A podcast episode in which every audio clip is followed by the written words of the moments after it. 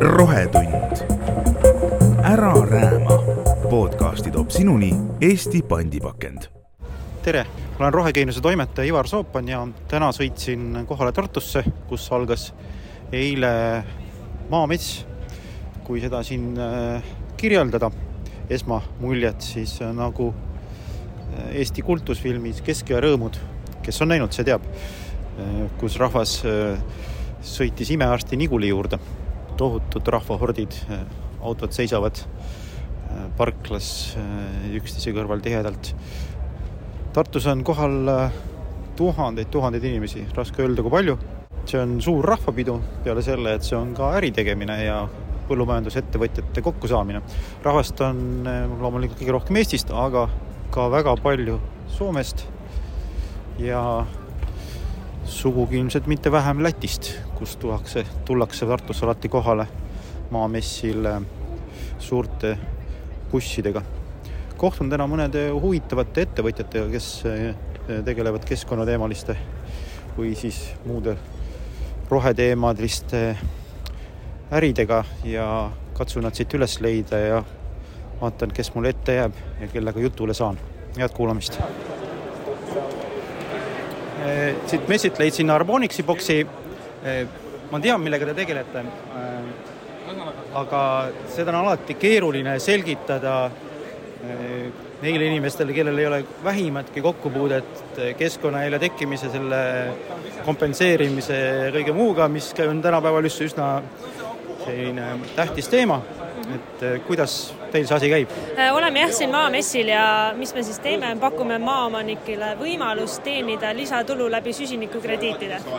mis on siis üks süsinikukrediit, on juba esimene küsimus äh, tavaliselt äh,. üks süsinikukrediit tähistab siis ühte tonni süsinikku, mis on talletatud ja nagu me kõik teame, meil seda süsinikku on õhus väga palju ja seda peab, peame hakkama vaikselt kuskile nii-öelda koguma ja talletama ja selleks väga efektiivne viis on selleks puid istutada ja puud siis kasvades selle C talletavad oma, oma nii-öelda enda sisse. ja sellega tegelikult nii-öelda palju Eestis on metsa ja maaomanikke ju teevad kogu aeg planeedile head ja me tahame, et nad oleks siis selle eest tasustatud. Ja nad saavad seda nii, et nad saavad tulu siis läbi süsinikukrediitide. kuidas see toimib, see on natukene keeruline osa selle kõige juures, ehk siis see ongi see kõige keerulisem osa, et et mis teie seal vahel teete, te viite kedagi kokku omavahel? täpselt nii, me oleme nii-öelda nagu äh, sild kahe poole vahel, et meil on need maaomanikud, kes teevad siis äh, iga päev planeedile head oma puude kasvatamisega, metsa majandamisega ähm,.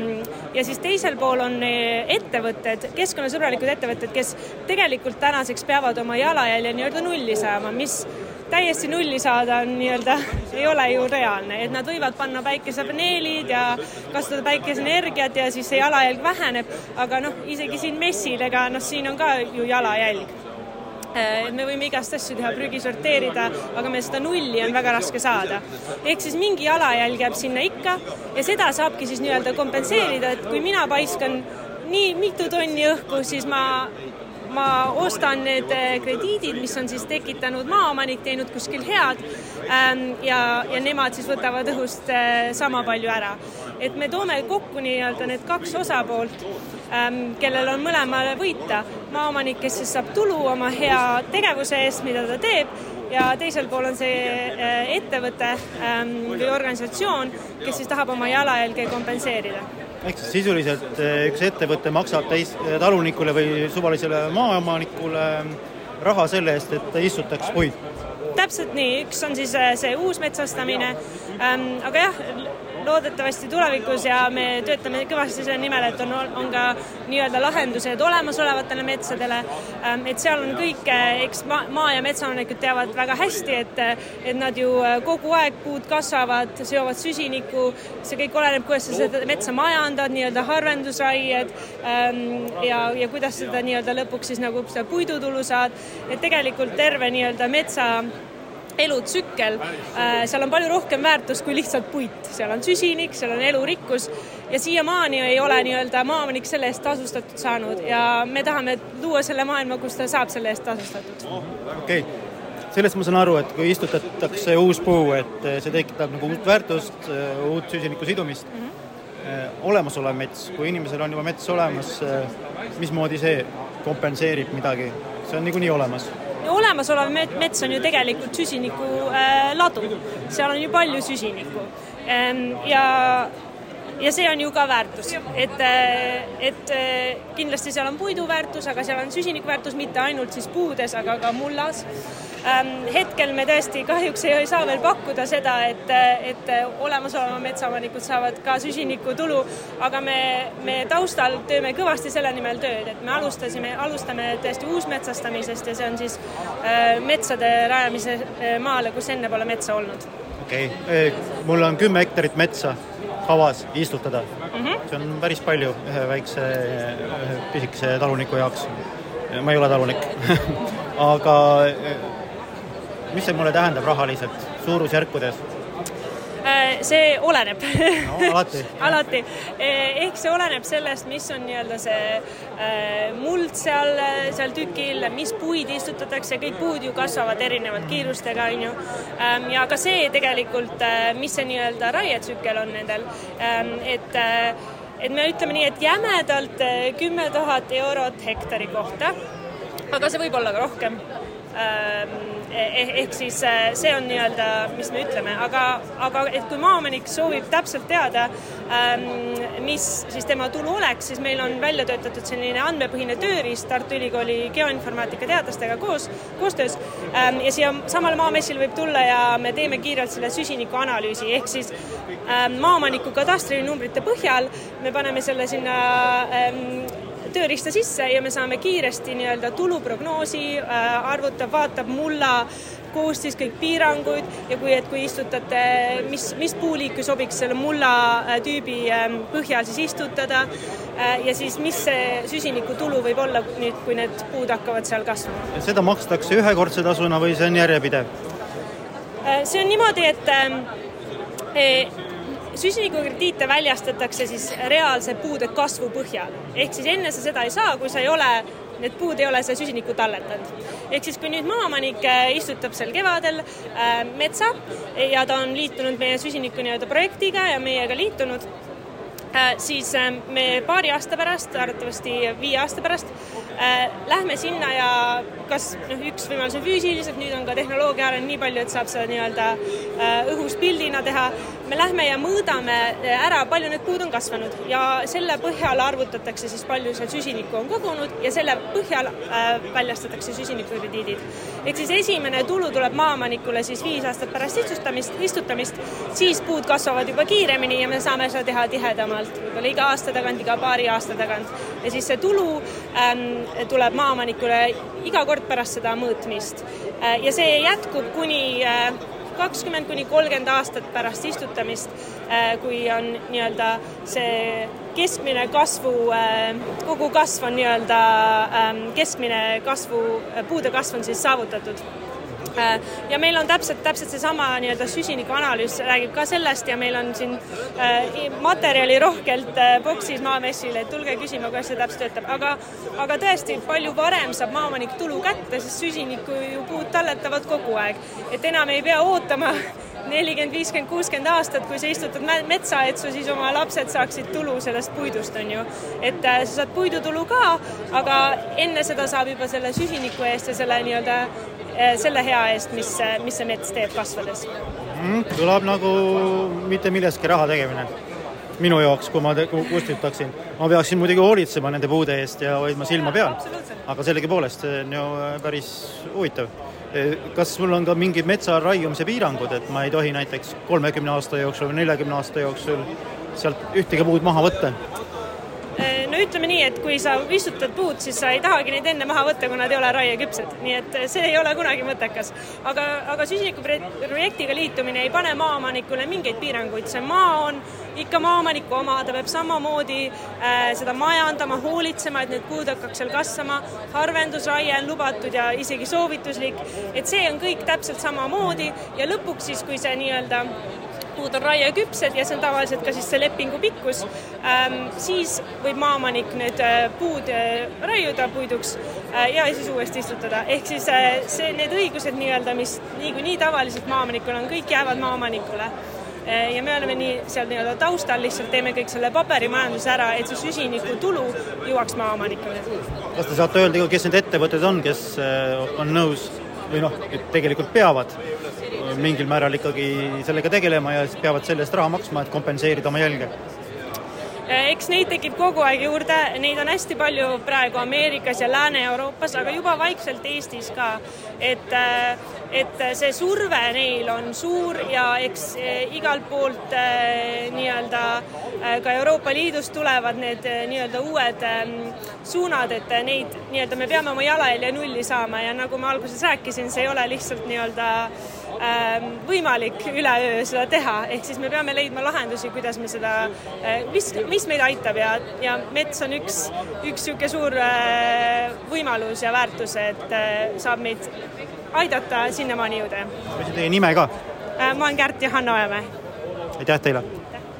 olen siin Baltechi boksis, ma ei olnud kunagi varem teie ettevõttest kuulnud ja nüüd ma kuulsin kõrvalt, et et olete neli aastat tegutsenud. see on üks huvitav asi, mida ma ei ole varem täheldanud põllu peal põldula vahelt läbi sõites. ehk siis mulla info reaalajas, et sisuliselt come on, te saadate mulle meili peale pideva ülevaate, mis minu maamullaga toimub Äh, jaa, äh, tere ja äh, ma tahaks täpsustada natuke, et see mulla info reaalajas, nüüd on võib-olla natuke petlik, mis sa ütlesid, et tegelikult me ikkagi noh, mulla info ka reaalajas, me ei saada meilile, meil on selle jaoks keskkond, kus sa näed neid andmeid, sa näed automaatseid soovitusi, mida nende andmetega peale hakata, siis me näeme, sa näed satelliidipilti, sa saad ilma sinna samuti, et see on niisugune kompleksne teema, et meie oleme niisugune täppispõllumajanduse kaasanud siis selle mulla info mis siis on need jaamad, mis on põllu peal, on siis minu isa poolt välja töötatud, Eesti teaduse poolt tehtud, on ju, ja me näitame siis, kuidas väetised mullast toimetavad, on üks oluline faktor mm, -hmm. toitained, millal muutuvad kättesaadavaks ja seda reaalajas läbi kogu hooaja, iga kahe tunni tagant, see on nagu väga-väga mm -hmm. oluline. ja teiseks siis on need mullavee näitajad, et millal taim saab vett kasutada mullapooridest, millal on seal stress, millal ei tohi näiteks pritsima minna ja nii edasi, anname niisuguseid automaatseid soovitusi, et sa ei pea niisuguseid nagu analüüse tegelikult ise tegema, et sulle tulevad need juba sinu juurde mm. -hmm aga pritsimine siis, ma saan aru, et te mõõdate ka tuulekiirust ja tuulesuunda või? tuulekiirust ja suunda ei mõõda, me näitame seda, me mudeldame seda, me ei ole seda lisanud, me mm -hmm. oleme keskendunud oma fookusele, pritsimissoovitusi me anname tänu sellele, mis olukord on mullaveega, kuidas taim saab eh, vett kätte mullast, kui tal on, ütleme, mulla äh, stressiolukord, ta ei saa vett kätte ja kui sa lähed peale pritsima, siis see sisuliselt tegelikult see statistika ütleb, et no viisteist protsenti saagikaudu on täiesti reaalne katsetega tehtud ja see on niisugune asi, mida sa hooaja lõpus sa tegelikult, sa ei saa aru, milles see saagi nagu vähenemine oli, et miks ta ei ole nagu nii hea. ja see on, ütleme, rahalises mõttes isegi kõige suurem võit, mida sa võid äh, äh, saavutada sellega. Teisalt, ma vaatan, et siin on see seade ka, see on selline praegu äh, posti otsas pisik, umbes pooleteist meetri kõrgune päikesepaneeliga, väikse päiksepaneeliga ja siis on teil seal kaks rippuvat kuidas neid nimetada, mis need andurid, jah? Need pistetakse siis mulla sisse?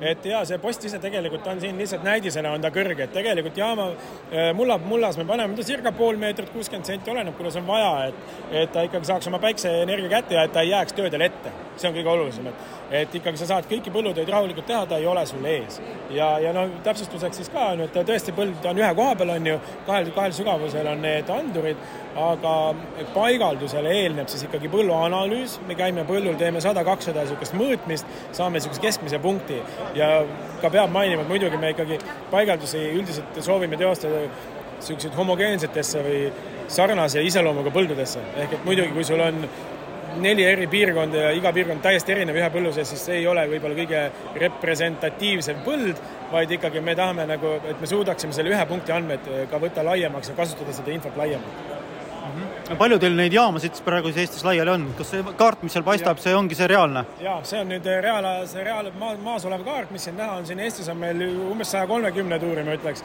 ja tuleb juurde. Äh, Soomes on lisaks meil veel kaheksakümmend tükki, äh, UK-s on viisteist, meil siin kaks katset käimas ülikoolidega ja, ja siis ka Rootsis on juba mõningad maas, et, et jah ja mis me siin graafikutest näeme, siin on teise arvuti ekraanil on jooksevad sellised niood üles-alla, mis need on? Need ongi, see on, ütleme, ühe hooaja ülevaade, seda ju näed ka reaalajas kogu aeg jooksvalt, aga see on niisugune mm -hmm. väga piltlik hea ülevaade, kus me oleme ka pannud niisuguse põlluraamatu lihtsustatud kujul, kus sa saad sisestada oma tehtud tööd ja seda paremini sa saad õppida seda toodet tundma, sa näed, et näed, see sinine mummu siin on ju, on väetine, väetis mm, -hmm. see on ka väetisering, siin on tegelikult info, kui sa lähed hiirega peale, ma praegu ei saa sulle mm -hmm. näidata siis tegelikult on see, et eelmine hooaeg, kui sa oled siin kaks ringi väetist, sa oled aprilli keskel teinud ühe ringi, mai alguses ja tegelikult siis oli temperatuur tuli mai alguses, aga oli liiga kuiv ja siis on see, et kui hakkas vihma sadama, siis alles hakkas see toitainete tase tõusma ehk et taim sai hakata neid väetisi kasutama kuna oli kaks ringi juba tehtud ära, seal ootas päris suur kogus toitainet ja tuli väga suur hulk vett mai, vett mai keskel, ta tegelikult uhtus palju neist toitainetest allapoole, taim ei jõudnud ära kasutada, ehk et neist läks natuke raisku.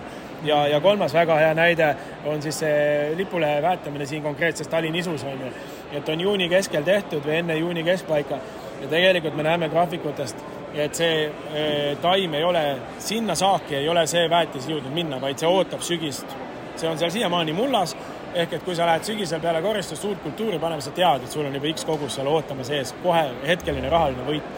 ja lisaasi veel see taime pritsimise teemas, et siin on pritsimised tehtud kõik õigeaegselt. me näeme, et see mullavee näit on olnud optimaalsel tasemel, taimel on hea olla, on siis, kui on pritsitud, ehk et ta ei ole saagikule kahju, et sa saad nii-öelda selle ülevaate, sa näed seda kogu aeg okei okay., kust teil kõik need teadmised tulevad, et selline asi kokku teha, et, et see, sellised andurid välja mõelda? Äh, teadmised tulevad niimoodi, et selle metodoloogia, kuidas siis ainete elektrilisi omadusi mõõta, mõtles välja minu vanaisa Paul Plakk, äh, selles ka siis ettevõtte nimi Paultech on ju, ja siis minu isa Tiit on siis nelikümmend aastat äh, elektroonikateadlasena välja töötanud siis niisuguse anduri selle vanaisa metodoloogia põhjal ja siis ta on selle üle kandnud nüüd mulla, mullateadusesse seal üheksakümnendatel ja seal on ta teinud. ja siis meie panime siin aasta kaks tuhat kaheksateist abikaasa ja siis isaga põhimõtteliselt selle mõtte kokku ja, ja saimegi, hakkasimegi seda edasi arendama, et seda varem teaduses kasutatud infot hakata siis praktiliselt ka tavapõllumajanduses kasutama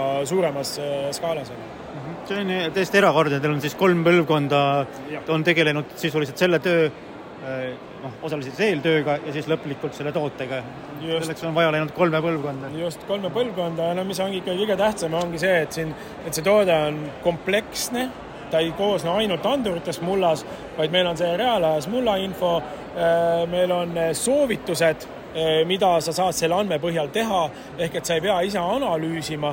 Ütleme sulle, et nüüd on hea aeg väetised teha, väetised lahustuvad, taimekaitseks hea aeg, kehv aeg ja nii edasi, seal on kakskümmend viis eri, eri soovitust praegu ja, ja siis samuti ka on seal satelliidiinfo, sul on ilmainfo nii-öelda punkte asukohapõhiselt ja ütleme, et see on kõik kuidas me ütleme, et kõik taimekasvu tingimused ühes kohas ja, ja mida me teeme siis, mis on uudne siin sellel turul täppispõllumajas, on see, et Baltic siis annab mullale hääle ehk et meie reaalselt kuulame, mida mullal on öelda siis. võimas.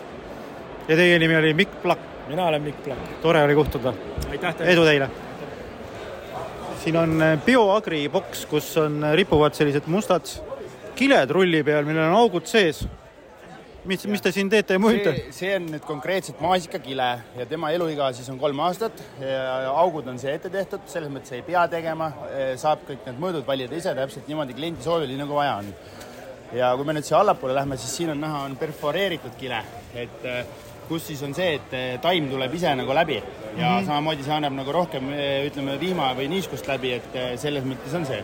et teil on väiksed pisikesed augud, mida praktiliselt näha ei ole, aga, aga taim lihtsalt surub ennast nagu siin. perforeeritud terves, terves ulatuses nagu ja kui me nüüd siia allapoole liigume, siis on, siin on niisugune äh, ühe hooaja kile, mida siis nüüd kasutatakse näiteks ütleme kurgikasvatusel või salat või noh, ütleme ühe hooaja nagu taimed, noh, ja siit on nagu näha, et noh, ta on niisugune strets veniv ja, ja ega selles mõttes ongi, et kui ta nagu masinaga paigaldada, ainukene asi on see, et ei tohi olla masinal pidurit peal, et see kile mahakäimiseks ei veniks, sest kui ta venib, siis ta eluiga kohe lüheneb mm. -hmm. et lihtsalt on, on see ja põhimõtteliselt ongi, ütleme seda, kui ma siin äh, sellest ühe hooaja kilest räägime, siis ma arvan, et see aasta läks meil seda Eestimaale, Eestimaa peale kokku äkki kakssada seitsekümmend kaks kilomeetrit maha. okei okay., aga selle kõige juures on see, et, et see on kompostitav. jaa, täpselt nii. kui, kui kompostit on alati nõksuga? on, aga selles mõttes on siin on nagu selles mõttes lihtne asi, et nagu te näete, siin on erinevad mikronid ja, ja selle paksusega me täpselt saamegi tekitada selle kile eluea. Ehk siis kas ta võib olla, ütleme, kahest kuust ja me saame teha tegelikult kuni isegi nelikümmend kaheksa kuud seda. et ütleme, ongi nagu ma siin enne rääkisin, et maasikal on näiteks niisugune kolmkümmend viis mikronit, mis peaks vastu pidama siis kolm aastat. ja selles mõttes ongi ta et see, kui sa nüüd ütleme selle kurgil näiteks toome selle näite, see korjata saagi ära, küünata selle põllu läbi ja see jääbki kile jääb sinna sisse ja ja, ja, ja siis ta ongi lihtsalt, ta selles mõttes komposteerub seal ise ära. Ja need tükid, mis alles jäävad, need on äh, seal ei ole mingit mikroplasti, mitte midagi, midagi, jah. selles mõttes meil on kõik on, äh, kõik sertifikaadid on olemas Austria tüvi poolt kõik on antud ja selles mõttes on, on jah, et ütleme, selle tavakilega ongi täna see, et et hästi palju, isegi kui sa selle kile üles korjad, siis tegelikult ikkagi mulla jääb seda mikroplastina ja mis on nagu probleemne. ja oleme saanud, ütlen ausalt, ainult, ainult positiivset tagasisidet täna siiamaani. Okei okay,, aga teil on siin veel biojäätmete kogumiskorvid ja, ja. ja muudki kotid. E, siin on nüüd niisugune, ütleme, tup-, tuppa kogumiseks niisugune biojäätmete korv, mis on siis nagu näha, küljed on õhulised, kaanel on augud sees ja all on niisugune topeltpõhi. ja selle põhjal on nüüd, ongi see, et siit põhja alt, et käiks õhk läbi ja see kott nüüd hingab. ja siin on see, et ei teki selles korvis, ei teki seda käärimisprotsessi, vaid see niiskuse veeaur saab välja ja sellepärast ei teki ka siin, ütleme seda, ta on niisugune ei teki seda halba lõhna, mis tekib, ütleme, kui sa kinnises alumas kogud biojäätmed, siis ta tekib niisugune käärimine ja läheb asjad halvaks see on täiesti vastupidine süsteem siis, ehk siis tavaliselt püü- püütakse biojäätmete kogumiskastikest täielikult hermeetiliselt sulgeda, et Jaa. sealt hais välja ei saaks, siis teil on vastupidi, see on Jaa. auklik, see on õhk, peal on väikseid auke täis paksult, Jaa. külgedel on äh, suured avad ja all on avad. Mhm. see täiesti vastupidine siis. ja täpselt nii. Ja see on äh, saanud samamoodi väga palju positiivset tagasisidet täna, et äh, kõik, kes kasutavad, just ongi selle lõhna pärast, et, et nad ei panegi üldse, ei pea kasutama seda seal kuskil prügi all selles, vaid ta võib ka olla täitsa vabalt ka kuskil tööpinna peal. ja noh, ainuke asi, mida ei kannata, ütleme, suppi vedelikku ei saa siia sisse valada. Siis ta võtab selle kinni jah, sest see kott lihtsalt on hingav. aga kõik, ütleme, igasugused porgandikoored, kõik, mis on niisugused väiksed asjad, et kõik ja, ja me tegime isegi niisuguse testi, et me panime selle korvi täis ja nädalaga see maht vähenes poole peale. Ja see kaalusime ka, mis tegelikult oli niimoodi, et kolmsada nelikümmend grammi põhimõtteliselt oli siis, see oli, kõik oli tegelikult vesi, mis siit ära kadus. okei okay., kas neid on, siin on need üsna väiksed, need on, äh, palju see on, viis liitrit või? Äh, seitse seitse? jah, ja sinna sisse käivad siuksed kaheksaliitrised kotid onju ja mis on selle kottide peal on veel, on üks asi, mis on meil kirjas. siin on need näha need sertifikaadid. ja sellel sert- sertifikaadil on niisugune asi nagu home siin peal. Ja see nüüd tähendab seda, et see on eh, kodustes tingimustes komposteeritav kott. et hästi palju liigub kaubanduses seda, et on küll eh, kirjutatud, Tööstuslikud. jah, aga on tööstuslikud ja see tähendab seda, et on temperatuur on vaja seitsmekümne kraadini saada. aga selles mõttes seda on võimalik kodukompostritus või kodustes tingimustes komposteerida. Ühesõnaga, vaja on äh, ühte teist, et ei ole päris niimoodi, et paned siia suvalise koti sisse, et aga need äh, kotid on teil siis lihtsalt teie oma veebist tellitavad või? Meie kodul, meil on enda jah, e-pood on, veebilehel on e-pood olemas ja ja võimalik on ka neid kotte Selverites, Coopis on täna, et ja Krossi kaubanduses, et selles mõttes on eh, leitav ka jaekaubanduses, et kindlasti mitte igas poes, aga, aga üritame saada aina rohkem ja rohkem neid sisse. Aga neid kaste on suuremaid ka, korv, kogumiskorve või see on ainult Eh, tegelikult on olemas niisugune variant. niisugused kasutavad nüüd ütleme niisugused siin on nüüd ümmargune ja suur, see on äh, saja, ei, mis? See on nüüd kolmkümmend seitse 30 liitrit. liitrit, ja, ja siia on tehtud spetsiaalne kott sisse, et see koti põhi oleks nagu selle ämbri kuju järgi. Ja ta kannatab tõstmist, et kasutavad majutusasutused, hotellid, restoranid, siuksed, kes koguvad suuremaid biojäätmeid ja see kott ongi disainitud täpselt, et tal on nagu see ämbri kuju ja ta kannatab tõstmist, et ta ei lähe nagu katki või ta ei lagune ära. ja, ja siis ma siis ma veel lisaksin, on see, et mis te siin näete, siis tegelikult need kõik need eh, rullid, mis meil täna siin väljas on, välja, need on eh, toodetud tegelikult Eestis ja Hiiumaal. jaa, okei okay.. et see on, Taugoplast on see tehas, kes neid toodab. Tagaplast on äh, hea ja tuntud nimi, neile vist enamik toodangust läheb küll äh, kuhu, Taani või Eh, üldse Skandinaaviasse, selles mõttes Soome, Norra, Rootsi, lisaks mujale Euroopasse veel ja, ja, ja selles mõttes on, ütleme, Biobaggil on ka veel Ameerikas on üks tehas, Austraalias on tehas, et ta on ikkagi üle, üle maailma nagu tuntud bränd. okei okay., suured tänud, kuidas teie nimi on? Kristo olen mina. ma olen siin Neste boksis, kus on suurelt kirjas Neste MI Renewable Diesel, ma näen siin ka ühtlasi ka laua peal on äh, miljon erinevat pisikest purgikest, kus on erinevat värvi, tõenäoliselt siis, mis asjad need on? Need on siis äh, jah, sada protsenti taastuv tooraines diisli, diiselkütuse Neste Mai koostisosad, ehk siis see on nüüd üks tõeliselt keskkonnasõbralik lahendus, mis sobib igasse diiselmootoriga autosse ja vähendab äh, transpordi süsiniku jalajälge siis kasutajal keskmiselt üheksakümmend protsenti. Ja siin laua peal siis ongi näha neid erinevaid komponente, et äh, suures osas on need siis äh, toiduainetööstuse mm, kasutamisel ülejäänud rasvad, millest saab teha kütust tänapäeval. Mm. -hmm et tõeliselt, tõeliselt hea ja lihtne lahendus, kuidas anda oma panus keskkonna säästmisesse. ma loen siit välja, siin on lõhe, õli, siis on jääkõli siis tõenäoliselt, cooking oil on siit kohe näha, technical corn oil, trap grease, brown grease, tall oil pitch. kas suur osa on siis kuidagi jääkidena kokku kogutud, siis ma saan aru, mitte te ei ole tootnud eraldi lõheõli või lõhe, kalaõli? Et põhirõhk ongi siis äh, jääkidele, et just mis jääb äh, näiteks tööstuses üle, toiduainetööstuses, isegi näiteks äh, puidutööstuses, kui soepuru jääb sellest kokku pressides, saab ka ise kütust teha. et põhirõhk ongi jätkusuutlikkusel ja just sellel, et me kasutame kõik jäägid, mis on tekkinud ära ja teeme sellest kütuse, mis sobib siis kõikidesse diiselautodesse ja mootoritesse, olenemata siis ka vanusest kas ma mäletan õigesti, et teie, noh, te ise, ma saan aru, vist kasutate, Neste autod kasutavad vist sedasama kütust? jah, aga, aga oli ka keegi kiirtoidukett, Hesburger või keegi? Hesburger jaa, nendega koos ka, need kasutasid oma siis kasutavat äh, friikartulite praadimisest üle jäävat õli, millest, äh, millest me saame valmistada ka Nestemai diiselkütust koos teiste siis koostisainetega. suur see turuosa teil on, oskate te öelda ka? Ma saan aru, et te rohkem sihite ju äh, suuri transpordiettevõtteid või, või kuidas sellega on? tegelikkuses ka eraisikud saavad meie jaamades, väga mitmetes jaamades juba Nestemaid osta, et äh, ta on tõesti väga hea to-, toode ja kõikidele kättesaadav, et selles suhtes tasub seda proovida, katsetada ja kindlasti, et kui ükskord katsetad, siis jäädki kasutama seda. ma ei, mõne aeg tagasi kirjutasin ühest mehest, kes oli oma auto ümber teinud ka äh, jääkidest äh, kütuse peale.